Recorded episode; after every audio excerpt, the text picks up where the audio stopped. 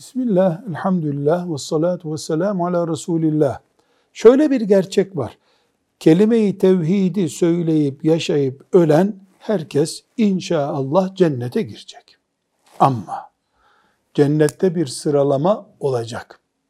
Bu sıralama salih amel durumuna göre kim daha fazla yapmış, bu hayatın zorluklarına karşı, imanın ağırlığına karşı kim ne kadar sabretmişe bakılarak bir sıralama söz konusu olacak.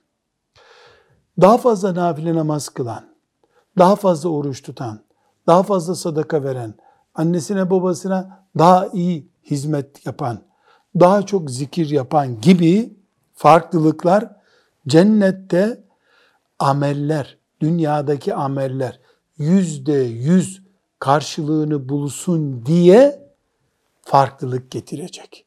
Burada ilk iman ettiği günden son güne kadar hiç taviz vermemiş bir Müslümanla düşmüş kalkmış bazı hatalarıyla ahirete gitmiş onların cezasını çekmiş Müslüman aynı olmayacak. Ama Allah'ın izniyle mümin olarak ölen herkes cennete girecek. Velhamdülillahi Rabbil Alemin.